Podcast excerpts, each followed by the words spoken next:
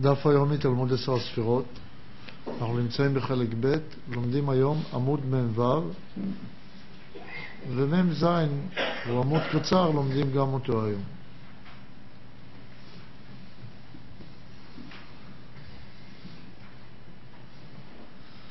למדנו בשיעור הקודם את ההבדל בין השערה בקביעות להשערה עוברת, כאשר השערה בקביעות פירושה שאותה מדרגה שדרכה עובר האור עושה זיווג דרכה על, על האור, בעוד שהשערה עוברת אינה עושה זיווג דרכה, אותה מדרגה שדרכה עובר האור, היא מקבלת, מתרשמת מאותו אור שעובר דרכה, אבל הצורה שבה היא מתרשמת היא רק נקראת טהרת הנפש ולא יותר. אור הקו עובר דרך העיגולים, אבל רק מבחינת אה, השערה עוברת. ולא השערה בקביעות. משמע שהעיגולים לא יכולים לעשות זיווג דרכה על בחינת אותה הערה שעוברת דרכם. מדוע? כיוון שלצורך זיווג דרכה צריך מסך, ולעיגולים אין מסך. רק לקו יש מסך, ולכן רק הקו יכול לעשות זיווג דרכה. אז בעיגול זה השערה עוברת. אם נדבר מבחינה נפשית, אז הרצון שלנו לסיפוק אישי על הפרטיות, הוא לא יכול לעשות זיווג דרכה הפרטי. לכן כל האור שהוא יכול לקבל מצד האמת, רק אור הנפש, אור של עבד. אבל אור של גבירה, אור של אדון, של מלך, הוא לא יכול לקבל, מכיוון שהוא לא צד זכר. הסיפוק זה צד נקבה, וצד הנקבה אין לה כוח של מסך מצד עצמה, אלא רק הזכר, הוא יש לו כוח שיושב על המלכות, ולכן רק הכוח הזה יכול לעשות הערה שהיא הערה בקביעות. זה הנושא העיקרי שלמדנו בשיעור הקודם, והיום אנחנו רוצים קצת לגעת בעניין של התקללות, חוק ההתקללות שיוצר לנו חומרים שונים במציאות. ההתקללות היא בין אור ישר לאור חוזר, ואור ישר ואור חוזר בזיווג דאקה באים לידי ביטוי כך שלכל ספירה וספירה יהיו עשר ספירות.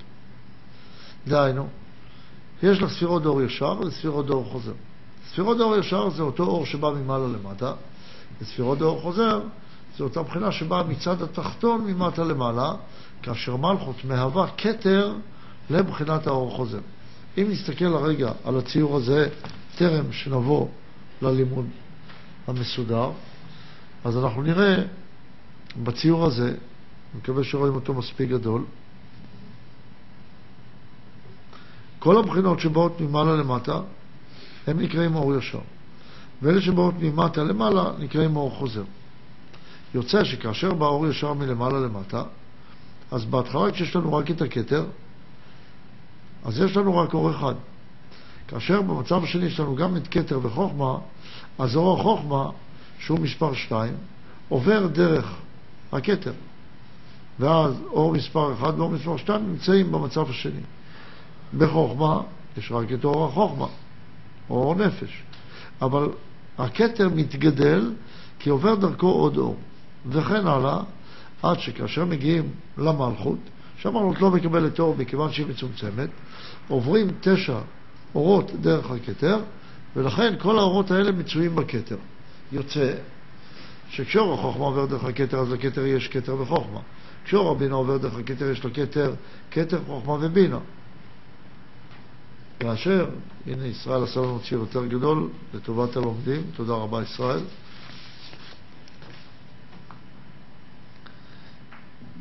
כאשר יש לנו רק את אור הכתר, אז יש לנו אור אחד. כאשר יש לנו כבר חוכמה, והאור מגיע גם לחוכמה, אז בכתר יש כבר שני אורות. כאשר מגיעים כבר לבינה, אז יש בכתר שלוש אורות, בחוכמה שתי אורות. למה שתי אורות? כי יש לה את האור של עצמה, וגם את האור של הבינה שעבר דרכה. אז ברור שתי אורות. במצב הזה לבינה יש רק אור אחד. עוברים למצב הרביעי, כשחסד כבר מקבל את האור, אז בכתר היה צריך לעבור גם אור החסד. אז יש לכתר גם את אור החסד הזה. ויש לו גם את אור החוכמה שעבר דרכו. יש לו גם את אור הבינה שעבר דרכו, וגם את אור עצמו. יוצא שלכתר במצב הזה יש ארבע אורות. ולחוכמה ג' אורות. למה ג'? כי יש את האור של עצמה, האור של הבינה שעבר דרכה, והאור של החסד שעבר דרכה. אז יש לחוכמה שלוש, לבינה יש שתיים, ולחסד יש אחד, כך עד שמגיעים לכך שכל האורות שעוברים דרך הכתר, חוץ מהמלכות, כי אור מלכות לא עובר, אומרת שמלכות לא מקבלת אור, יוצא שלכתר יש תשע אורות. לאחר שמגיע האור למלכות, המלכות דוחה את האורות. כי מלכות היא כתר של אור חוזר. בהיותה כתר, היא דוחה את כל העשר ספירות. והיות והיא דוחה את כל העשר ספירות, אז יש לה מלכות, עשר ספירות, זה אור חוזר. כשהיא דוחה את האור, מגיע לכתר אור חוזר אחד. ואז הוא משלים את בחינת התשע ספירות דאור ישר לעשר ספירות. לחוכמה מגיעות שתי ספירות. לאחר מכן, אנחנו רואים שלבינה מגיעים שלוש אורות דאור חוזר, וכן הלאה. אז יש לה שבע ספירות דאור ישר, שלוש ספירות דאור חוזר. אור חוזר זה הכוח של המלכות, זה צפיפות החומר. ואור ישר זה זכות החומר. היחס באותו, בחומר בין זכות לצפיפות יוצר את מצב הצבירה של אותו חומר. ככל שיש יותר אור ישר, החומר הוא יותר זך, יותר עדין. ככל שהחומר הוא יותר בעל אור חוזר, הוא יותר גס. אם היינו רוצים להבדיל, למשל, בין גז למוצק, רק כמשל כמובן, אז גז היה ספירות דור ישר. והחומר של אור חוזר היה, ספיר, היה מוצק. אנחנו רואים שיש הבדל בין מוצק לנוזל ביחס שיש בין אור ישר לאור חוזר שלו. וכן הלאה, בהמשך המדרגות. אז לכולם יש עשר ספירות. מה ההבדל ביניהם? ביחס בין אור ישר לאור חוזר שלהם. אז זה מה שרוצה ללמד אותנו היום בשיעור. נקודה נוספת אחת שאני רוצה להוסיף, זה שכאשר אנחנו מדברים על כך, למשל, שהאורות עוברים דרך הכתר, ועל ידי כך, לכאורה, יוצרים בכתר עוד אורות. במקום שיהיה לו אור אחד, יש לו שתי אורות בחוכמה. וכשמגיע לבין יש לו שלוש אורות וכן הלאה. אז צריך לומר שמלכתחילה, עוד מדלת מבחינות אור ישר, יש בו עשר אורות. אז מה קורה עכשיו כשעוברים דרכו האורות? הם רק מגלים את הפרטים שממילא נמצאים בתוכו. אז אנחנו לא מדברים על בריאה חדשה, אלא רק על הגילוי של מה שיש בכתר ממילא, ועל הגילוי שיש, שיש בחוכמה ממילא, וכן הלאה. רק על הגילוי של מה שיש. דהיינו, אם יש לנו מצב של שלם אחד, ואני לוקח ומעביר דרכו פרטים, אז הוא מגלה בתוכו את מה שיש בו. זה כמו לבושים של, אה, אה, של אה, בריח התיכון שמגלים מתוכו כל פעם חלק אחר. ואז הוא אומר שהוא בנוי מחלקים. כל זמן שלא גילו בו את החלקים הללו, הוא לא נראה שבנוי מחלקים. אז בואו נראה את זה עכשיו בפנים, ונסביר את זה עוד קצת בפנים, ואז נוכל להבין את העניין.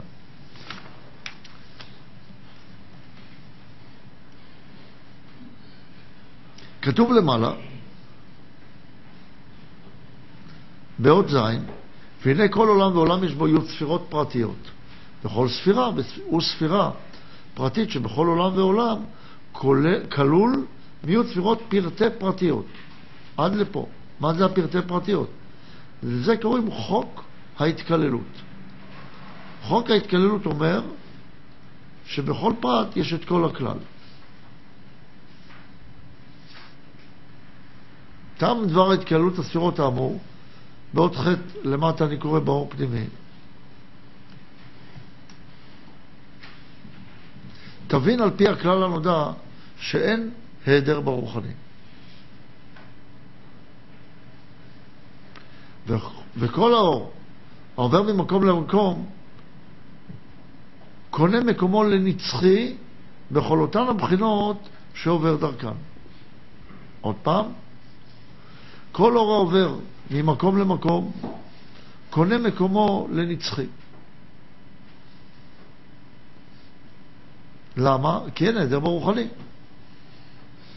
ואם אור החוכמה עבר דרך הכתר, אז הוא קונה שם את המקום שלו לנצחיות.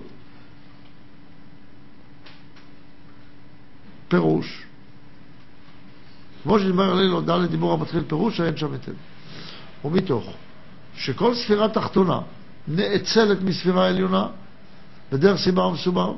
דהיינו שהספירה העליונה היא סיבה לספירה התחתונה. למשל, כתר הוא סיבה לחוכמה, לא יגיע אור לחוכמה בלי שיעבור דרך הכתר, כי הכל מגיע מאין סוף, והוא עובר דרך כל המדרגות בינתיים. יוצא שאור החוכמה עובר דרך הכתר, אבל הוא נשאר שם בקביעות. על כן נחשבת התחתונה כעוברת דרך העליונה.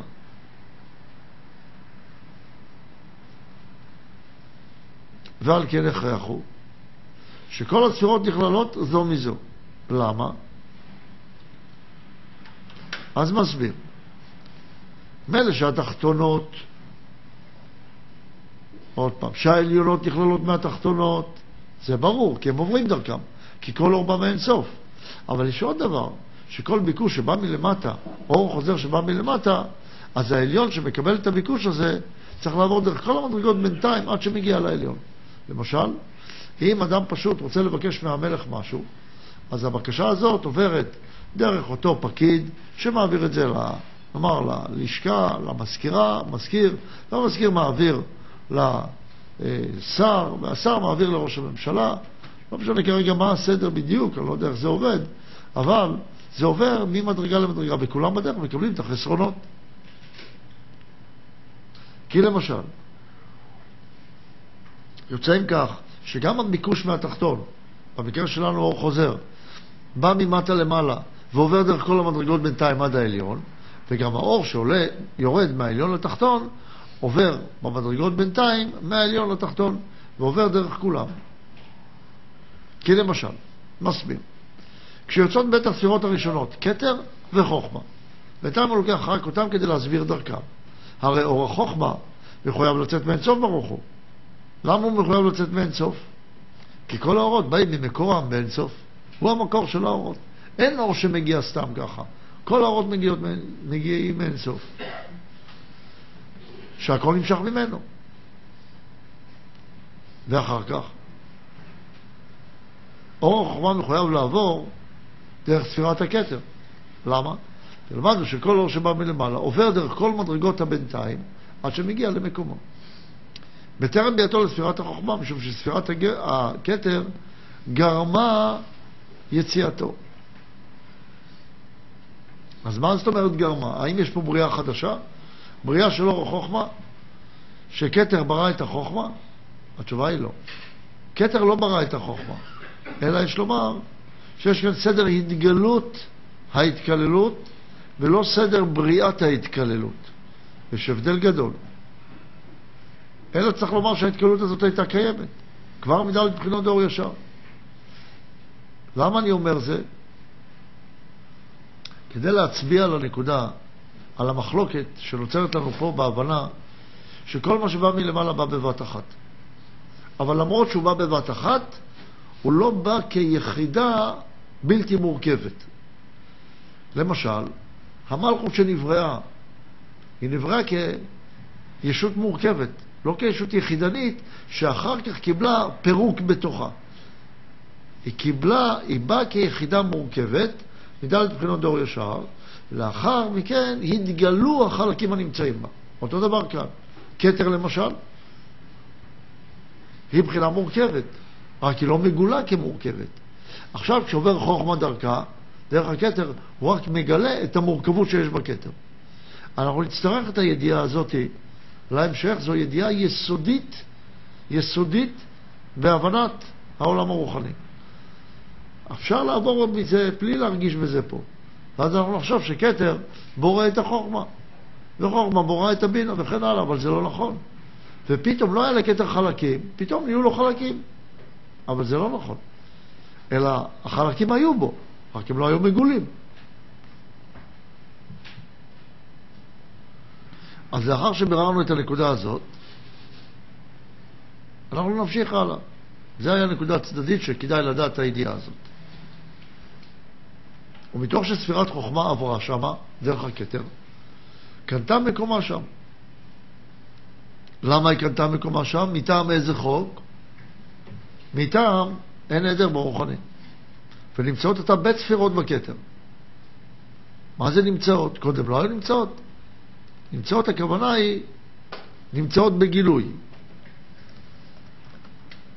נמצאות מגולות שיש בית בחינות בכתר. למה? כי גדרתי אותם כל אחד בנפרד.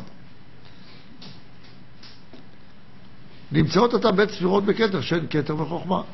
ועל דרך זה אחר שיצאו כל עשר הספירות דור עליון ממעלה למטה עד המלכות, כל ט' הספירות שלמטה מכתר הוכרחו לעבור דרך הכתר. ומשום, משום שהיה סיבה, הכתר היה סיבה ראשונית, ראשונה ליציאת כולן. ואם כך קנו כולן מקומן שם. כן, העדר ברוחני כנ"ל. אם כך יש בהכרח כל ט' ספירות התחתונות, גם הכתר עצמו, מטעם שעברו שם כמבואר. ועל ידי כך שעברו, גירו, גירוי, גירו וגילו את הבחינה הפרטית שהייתה בכוח בעליון, ועתה היא נגלתה בפועל. זאת אומרת שהפרטים נגלו בפועל, מה שהיו בכוח. אז אם ככה, כמה ספירות על פי הסדר הזה יש בכתר? אז לפי מה שכתוב כאן, לכתר יש עשר בחינות. ובהמשך אומר, ועל דרך זה יש בהכרח ט' ספירות בחוכמה.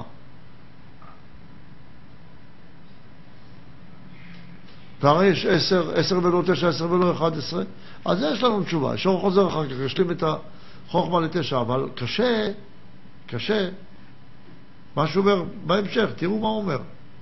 חטא ספירות שלמטה ממנה הוכרחו לעבור דרכה, כנ"ל.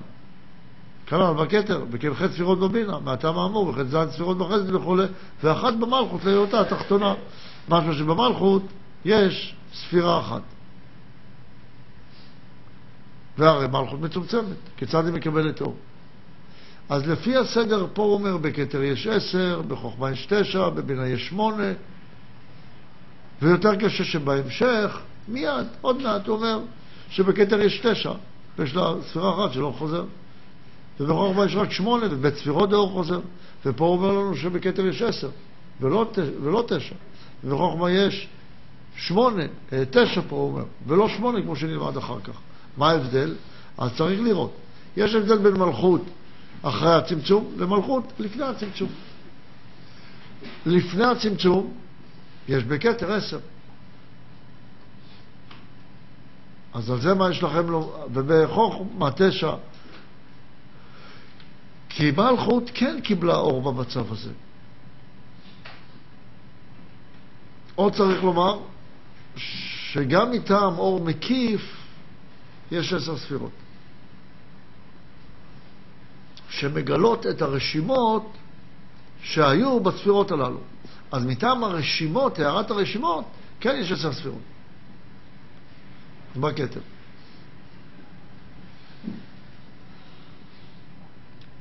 אבל כל הסדר הזה הוא סדר בינתיים, ויצדקו מי שיאמרו שהסדר הנכון הוא ללמוד את זה כמו בהמשך, ולא צריך לתקן את מה שכתוב פה, כי פה מדובר על לפני הצמצום, כי זה הסדר הרגיל והנכון, רק יש לזה מגבלה. ואת המגבלה הוא תכף אומר לנו, שהיות והיה צמצום, אז זה לא בדיוק ככה. לא בדיוק ככה לאחר הצמצום. והיות ואנחנו לומדים רק אחר הצמצום, לכן אנחנו מדברים רק מאחר הצמצום. כי לפני הצמצום לא היה גילוי לפרטים, אז אין מה לדבר מלפני הצמצום. אבל רק באופן תיאורטי, במלכות יש ספירה אחת, כי היא מקבלת אור. בני שואל האם גם אור בבחינת מעבר ולא זיווג גם משאיר רושם?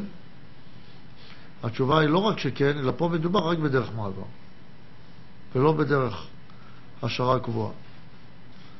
אמרנו שהשערה עוברת והשערה בקביעות, פה מדובר על השערה עוברת. הלאה, ונודע שמלכות מעלה עשר ספירות דאור חוזר ממנה ולמעלה, המלבישות לעשר ספירות דאור עליון, הנקראות עשר ספירות דאור ישר. אז אלה שבאות ממעלה למטה, כמו שראינו פה בציור, נקראות עשר ספירות דאור ישר. אלה שעולות ממטה למעלה נקראות עשר ספירות דאור חוזר. ואור חוזר הזה נקרא אור המלכות, שאין לה שום אור אחר. ואור חוזר זה מכונה בכל המקומות עשר ספירות העולות ממטה למעלה. ממטה שהמלכות היא למטה, למעלה, גם מבחינה נפשית היא אומרת, אני מטה בחשיבות. ואם האור בא אליי, הוא מעלה בחשיבות, אני מעלה אותו למעלה, אני מראה שהוא למעלה.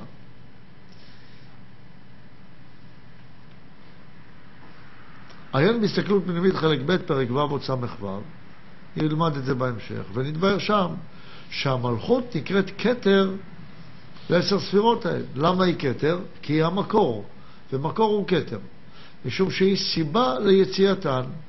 לכן היא נקראת כתר לעשר ספירות דור חוזר. למה כתר? כי הסיבה שהיא השורש, היא נקראת כתר. לכן מלכות מצד דור חוזר נקראת כתר. והסמוך לה נקרא חוכמה, ומדרגה ג' ממנה נקראת בינה וכו'. ונמצא כאן שכל הזך יותר הוא קטן יותר, עד שהכתר האמיתי מקבל מאור חוזר זה. רק מבחינת מלכות. דהיינו, שברגע שמלכות היא כתר דור חוזר, שהוא מעלה למעלה, אז לכתר הוא מעלה רק ספירה אחת שהיא מבחינת המלכות.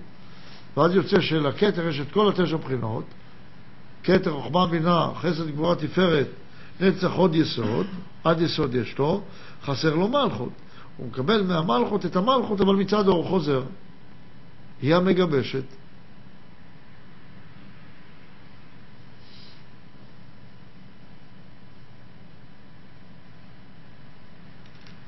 ונמצא כאן שכל אזרח יותר הוא קטן יותר. עד שהכתר האמיתי מקבל מאור חוזר זה רק מבחינת מלכות, והיא המשלימה אותו לעשר ספירות. ולפיכך תשכיל. אשר העשר ספירות האלו שממטה למעלה נמצאות כולן במלכות. למה הן נשארות במלכות? שהרי כולן עוברות דרך המלכות. כי היא השורש, היא הכתר לאור חוזר. כי המלכות היא השורש שלהם. ועל כן קנו כולן מקומן במלכות. יוצא שכמו שאור ישר קנו כולם מקומן בכתר, באור חוזר כולם קנו מקומן במלכות. אבל מה השוני? שבמלכות יש את כל עשר ספירות דור חוזר. וכל עשר ספירות דור ישר אין בכתר. למה? כי מלכות לא עוברת דרך כתר, כי אין אור ישר למלכות. אבל כל העשר ספירות דור חוזר, כולן נמצאות במלכות. עד שבחינת הכתר מקבלת אור חוזר אחד, חורמה שתי בחינות אור חוזר, בינה שלוש בחינות אור חוזר, ואז כל אחת מושלמת לעשר. הכתר תשע ועוד אחד, חוכמה שמונה ועוד שתיים, הבינה שבע ועוד שלוש, החסד שש ועוד ארבע וכן הלאה. ונמצא על כן שגם המלכות כלולה מעשר ספירות. איזה עשר ספירות יש לה? העשר ספירות זה אור חוזר. מצד החומרים, איזה חומר יהיה לה אם כך? אם נדבר בין גז, נוזל ומוצק, איזה חומר יהיה לה? מוצק, במשל. ודרך היסוד עוברות ט' הספירות דור חוזר. למה רק ט'? כי המלכות לא עוברת דרך היסוד. יש לו את של עצמו הוא, זה אחד, ועוד שמונה שעוברים דרכו. הרי יהיו ספירות ביסוד. למה? ספירה אחת זה אור עליון. לכאורה, לפי מה שהיה כתוב קודם, היינו צריכים לומר שיש לו שתי ספירות, של היסוד והמלכות. אלא שאור המלכות לאחר הצמצום לא מתקבל. ויש ליסוד רק את בחינתו שלו מאור ישר. ותשע בחינות דור חוזר, וזה משלים אותו לעשר.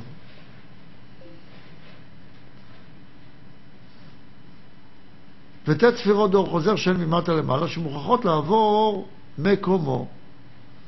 ועל דרך זה עשר ספירות בעוד. כיצד יש לנו, הוא קפץ להוד, מיסוד עכשיו להוד, כיצד בעוד יש עשר ספירות?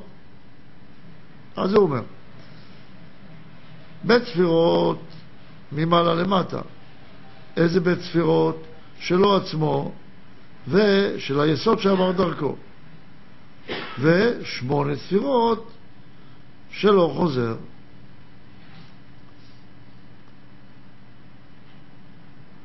ועל דרך זה עשר ספירות בנצח. ג' ממעלה למטה, וז' ממטה למעלה, וכולי על דרך זה. באופן שאחר יציאת עשר ספירות דור העליון ועשר ספירות דור חוזר, נעשתה כל אחת ואחת כלולה בהכרח מעשר ספירות שלמות. וזה נקרא חוק ההתקללות, שכולם כלולות מעשר ספירות. ועל דרך זה בפרטי פרטיות עד אין קץ. מה זה פרטי פרטיות? למשל, אם ניקח את הבחינה הפרטית, נגיד, סתם ניקח נגיד את הבחינה הזאת, את החוכמה של בינה. אז חוכמה של בינה, כמה ספירות בתוך הבינה יש לה? לחוכמה של בינה יש את חוכמה של בינה, את כתר של בינה יש לה? לא. למה? כי כתר של בינה לא עובר דרכה. חוכמה של בינה יש לה את של עצמה. בינה של בינה יש לה לחוכמה של בינה? כן. למה? כי בינה של בינה עוברת דרך החוכמה של בינה. וגם חסד עם בינה עוברת דרך החוכמה של בינה. וכן הלאה, כל ספירות של הבינה. כי עכשיו אם הייתי אומר שכל זה זה בינה, אז זה היה החוכמה של בינה. אז מה עובר דרך החוכמה של בינה? כל הספירות שמתחתיה. והוא חוזר, הייתה מקבלת מהבחינות שממטה למעלה, מהמלכות הפרטית של חוכמה. של בינה, סליחה, דיברנו על בינה. מהמלכות הפרטית של בינה. כמובן שיש פה שאלה, איך אני אדבר על אור חוזר מבחינה פרטית, הרי לא עושה אור חוזר מבחינה פרטית וכן הלאה, אבל זה נשאיר לכל אה, פרק ט', נדבר על זה יותר בפרטות שם. פרק ט' בהסתכלות פנימית מרחיב בביאור של כל מה שאנחנו לומדים פה ביתר פירוט, ושם אנחנו ניגע בעוד פרטים ועוד שאלות מעניינות, שלכאורה יש פה כמה דברים לא מובנים, אבל פה זה בינתיים לימוד כללי של זה. אז אומר נמצא בהכרח אותו דרך התקללות האמור, ואין כאן מה להוסיף יותר. והן בהסתכלות פנימית שהרחבנו את זה בהסבר רחב, הסתכלות פנימית בפרק ט'.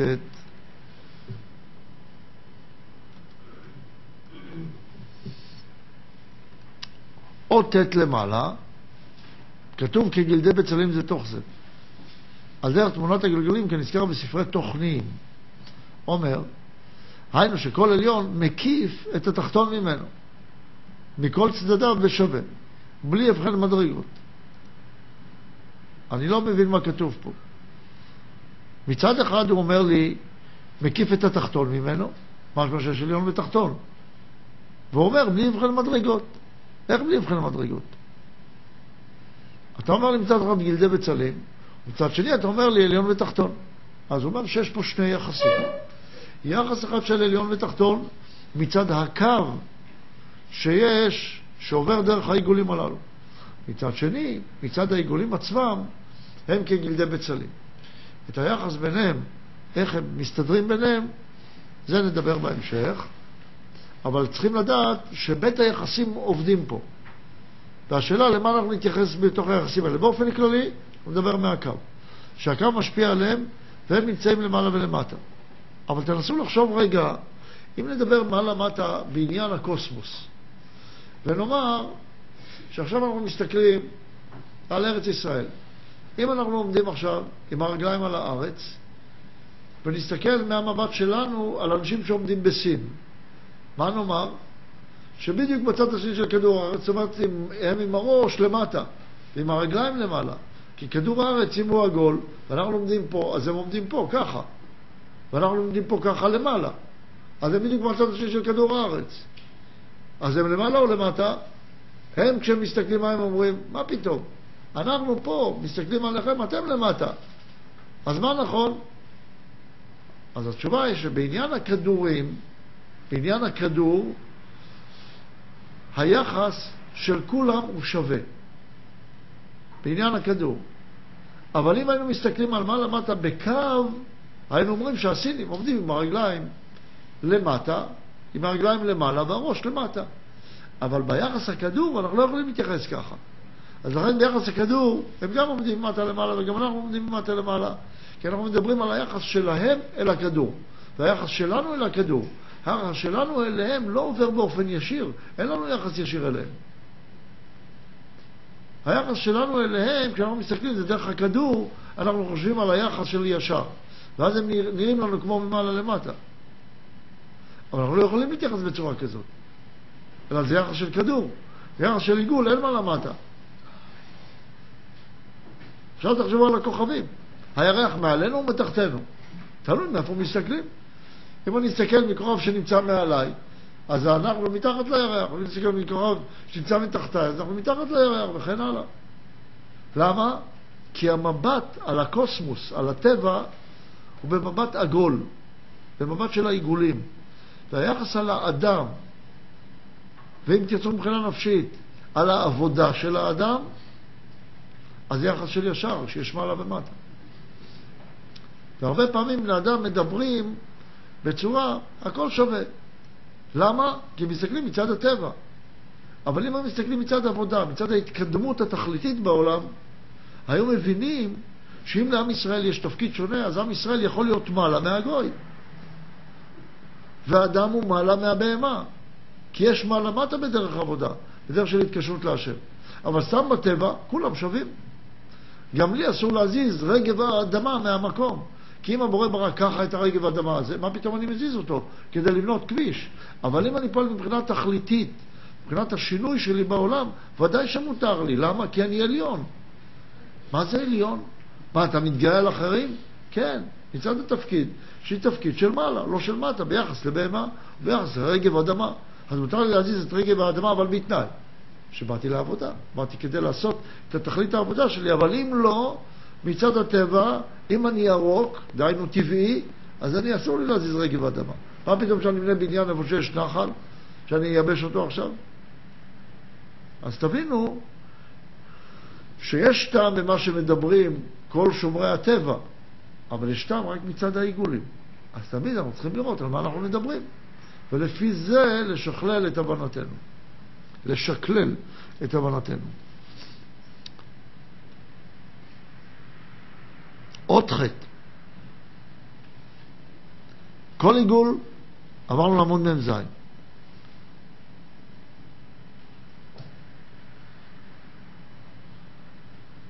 כל עיגול הקרוב לאינסוף יותר מחברו, נבחן לעליון ומשובח מחברו.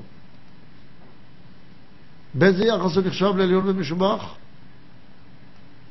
מצד הקו.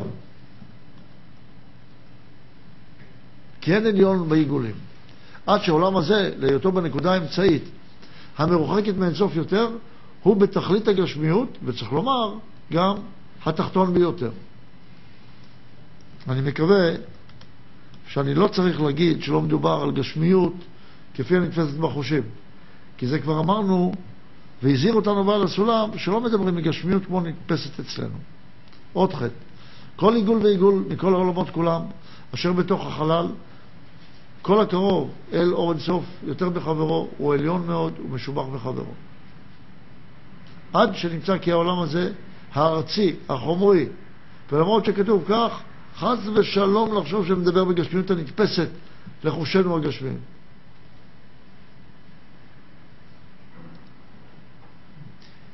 הוא הנקודה האמצעית, התיכונה, תוך כל העיגולים כולם, בתוך כל המקום החלל והאוויר הפנוי ענן, פנוי לתיקונים.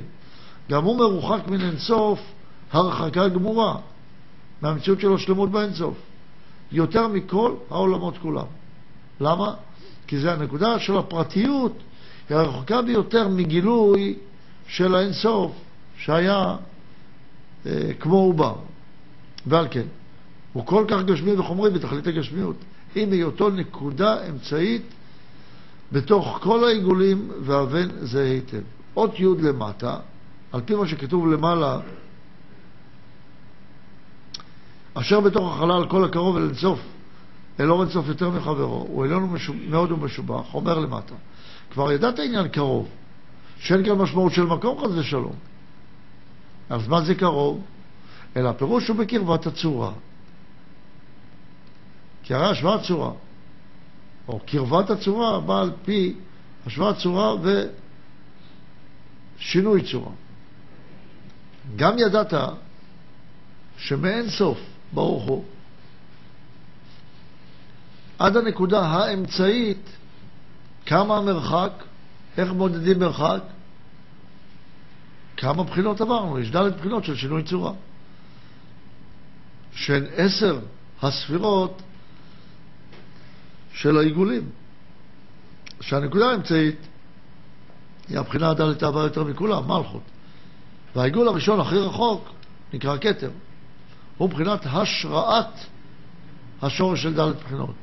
אז אם רוצים להגיע להשראה, למה מגיעים? לשורש, לכתר. זאת אומרת, צריכים להתרחק מהגשמיות כדי להגיע להשראה. מובן מאליו שעיגול הכתר, שהוא הזך ביותר מכל העיגולים, הרי קרובתו, קרובת צורתו לאינסוף יותר מכולם. למה? הכי זך. מבחינה א' אהבה ממנו מעט, רחוקה מאינסוף, רחוק יותר מהכתר. מבחינה ב' אהבה יותר רחוקה יותר מאינסוף. מבחינה א', עד שהנקודה האמצעית אהבה מכולם, מבחינת שהיא רחוקה מאינסוף ברוך יותר מכולם. אז פה הסברנו עניין שבתוך חלל כל הקרוב אל אינסוף יותר מחברו. אז יש קרוב ורחוק, את זה הסברנו. בעיגולים לא קשה לנו לדבר על קרוב ורחוק, כי יש עבה וזך בעיגולים. אז קרוב ורחוק, אנחנו יכולים לדבר גם מצד העיגול. אבל כתוב אחר כך, הוא עליון מאוד, הוא משובח. פה קשה לנו. הוא אומר, ואין להקשות על זה, מה שכתוב לעיל, אשר אין מבחינת מעלה ומטה בעיגולים. אז למה אתה אומר לי עליון? אומר, כי הכוונה כאן, אחר שהעיגולים קיבלו לתוכם את הערת הקו. אז נעשה בהם מבחינת מעלה ומטה. וכל התכונות הנוהגות בקו, לכן אנחנו יכולים לדבר גם מצד עליון מאוד, הוא משובח מחברו. הקרוב אל אינסוף הוא גם עליון. מטעם מה? מטעם הקו. כי כל עניין השוואת הצורה נמדד רק במציאות הקו ולא לפניו. זה נקרא ששווה בצורתו. זה שבעיגולים, אף שהכתר מקיף את כולם, אינו נחשב לעליון מכולם. ובקו הוא כן ייחשב לעליון מכולם, למרות שהיינו יכולים לדבר על קרוב ורחוק גם מצד העיגולים בלבד, אבל פה מדגיש ואומר לנו בעל הסולם, שנדע שמדובר מבחינת הקו. אם כך, מה למדנו היום? נושא ראשון שלמדנו את עניין ההתקללות, שכל ספירה כלולה מעשר ספירות. כיצד? על ידי החוק שכל, על ידי החוק של אין היעדר ברוחני, וכל הערה הבאה מאין סוף חייבת לעבור דרך הספירה העליונה עד שבאה למקומה. והיות ועוברת דרך כל הספירות בינתיים, אז כל אחת מהספירות הבינתיים קונה גם את הספירה הזאת שעוברת דרכה. יוצא שכל עליון קונה את כל מה שיש מתחתיו. איך התחתון יקנה אם כך? התשובה היא ששום אור לא מגיע מלמעלה אם אין ביקוש מלמטה. ואז כאשר בא ביקוש מלמטה, אז הביקוש מלמטה בבחינת אור חוזר, בקדושה כמובן, בבחינת אור חוזר גורם שהביקוש יבוא מלמטה, וכשהוא מגיע למעלה הוא חייב לעבור דרך כל המדרגות, בינתיים עד למעלה. יוצא שמלמטה נותנים את האור חוזר, מלמעלה נותנים את האור ישר, וכל המדרגות באמצע כל אחת מתקללת מבחינת אור ישר ואור חוזר במידה שווה, המשלימה אותה ויוצרת בשלמות של עשר ספירות, והוא שנאמר, ספר היצירה, עשר ולא תשע, עשר ולא אחת עשרה. נקודה פרטית שלמדנו, שאחרי הצמצום אנחנו מדברים, ולכן בכתר יש רק תשע ספירות אור ישר, כי אור המלכות לא עוברת דרכה. מצד אור חוזר, כמובן שלמלכות יש עשר ספירות, וספירה אחת אור חוזר היא נותנת לה כתר, כך שאלה היחסים. כתר תשע אחד, חוכמה שמונה שתיים וכן הלאה, ומלכות אפס עשר. זה נושא אחד שלמדנו. נושא שני שלמדנו, שיש מעלה-מטה בעיגולים דרך הקו, והם בנויים כגלדי בצלים. והכדור, הנקודה האמצעית, עכשיו היא הרחוקה ביותר, והאהבה ביותר, והגסה ביותר שיש, והיא המקום שנקרא עולם הזה, שהיא גם מבחינה נפשית הפרטיות של האדם. והאהבה, לא הבנתי את ה... אם למדנו שזך זה משפיע, אז דווקא הכתר הוא צד שיכול לקבל הכי הרבה אור, וצד המלכות הוא הצד הכי משפיע מהצד, מהבחינה הזאת. למה דווקא הכתר? מהצורה, לא מהחומר. פה אנחנו מדברים מצד החומרים. שאלות חזרה, שאלה ראשונה. מהו חוק ההתקללות? שאלה שנייה,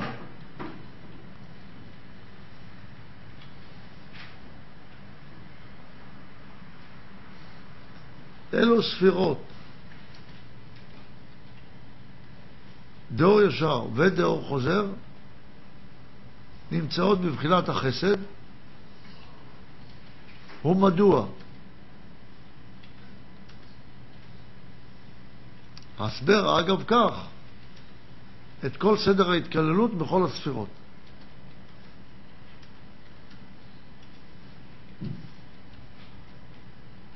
שאלה שלישית. מדוע כל ספירה העוברת דרך העליון שלה קונה את מקומה בעליון?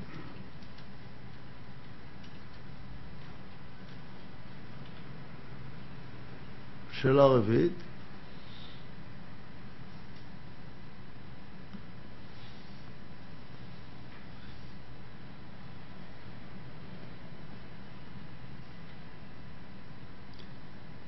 מה משלים כל אחד בספירות דאור ישר הפרטיות ופרטי פרטיות ליוד ספירות, פרטי פרטיות. שאלה חמישית.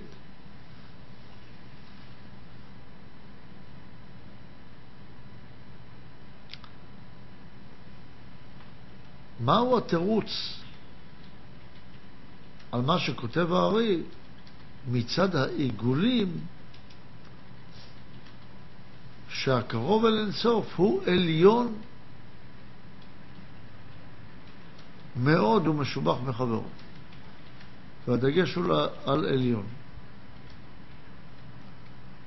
הסבר את הקושייה ותירוצה. עד כאן היום, תודה רבה.